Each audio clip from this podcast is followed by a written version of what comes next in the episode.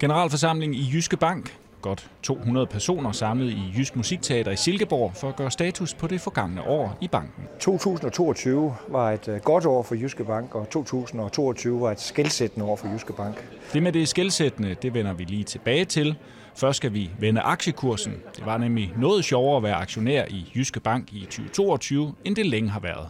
For en gang skyld fik vores aktionærer jo et pænt løft i aktiekursen. I 2022 der steg Jyske Bank-aktien fra kurs 337 til kurs 451 og 30 øre. Det er en fremgang på 34 procent. Og så tilbage til det skældsættende for Jyske Bank i 2022. Så sidst men ikke mindst, så lykkedes det jo også at købe Handelsbanken, som vi betegner som et mindre mirakel. Mirakel eller ej, købet af Handelsbankens danske aktiviteter kom i hus. Vi er nu i gang med at integrere de to forretninger med hinanden.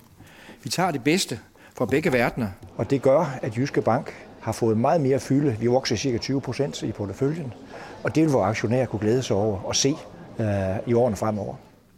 Så vores aktuelle situation den kan opsummeres således. 2022 er trods udfordrende finansielle markeder forløbet godt, og med et højt aktivitetsniveau, øget forretningsomfang og en stigende indlånsmarginal. Omkostningerne er under kontrol, og kreditkvaliteten solid.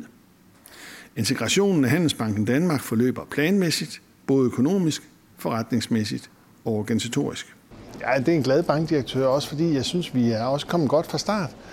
Her i 2023 har lavet et par opjusteringer, øh, Dels i relation til resultater for 2022, men vi har jo også skærpet øh, vores ambitioner for, hvad vi kan nå her i 2023. Så jeg håber på, at vi kan præstere endnu et rekordresultat.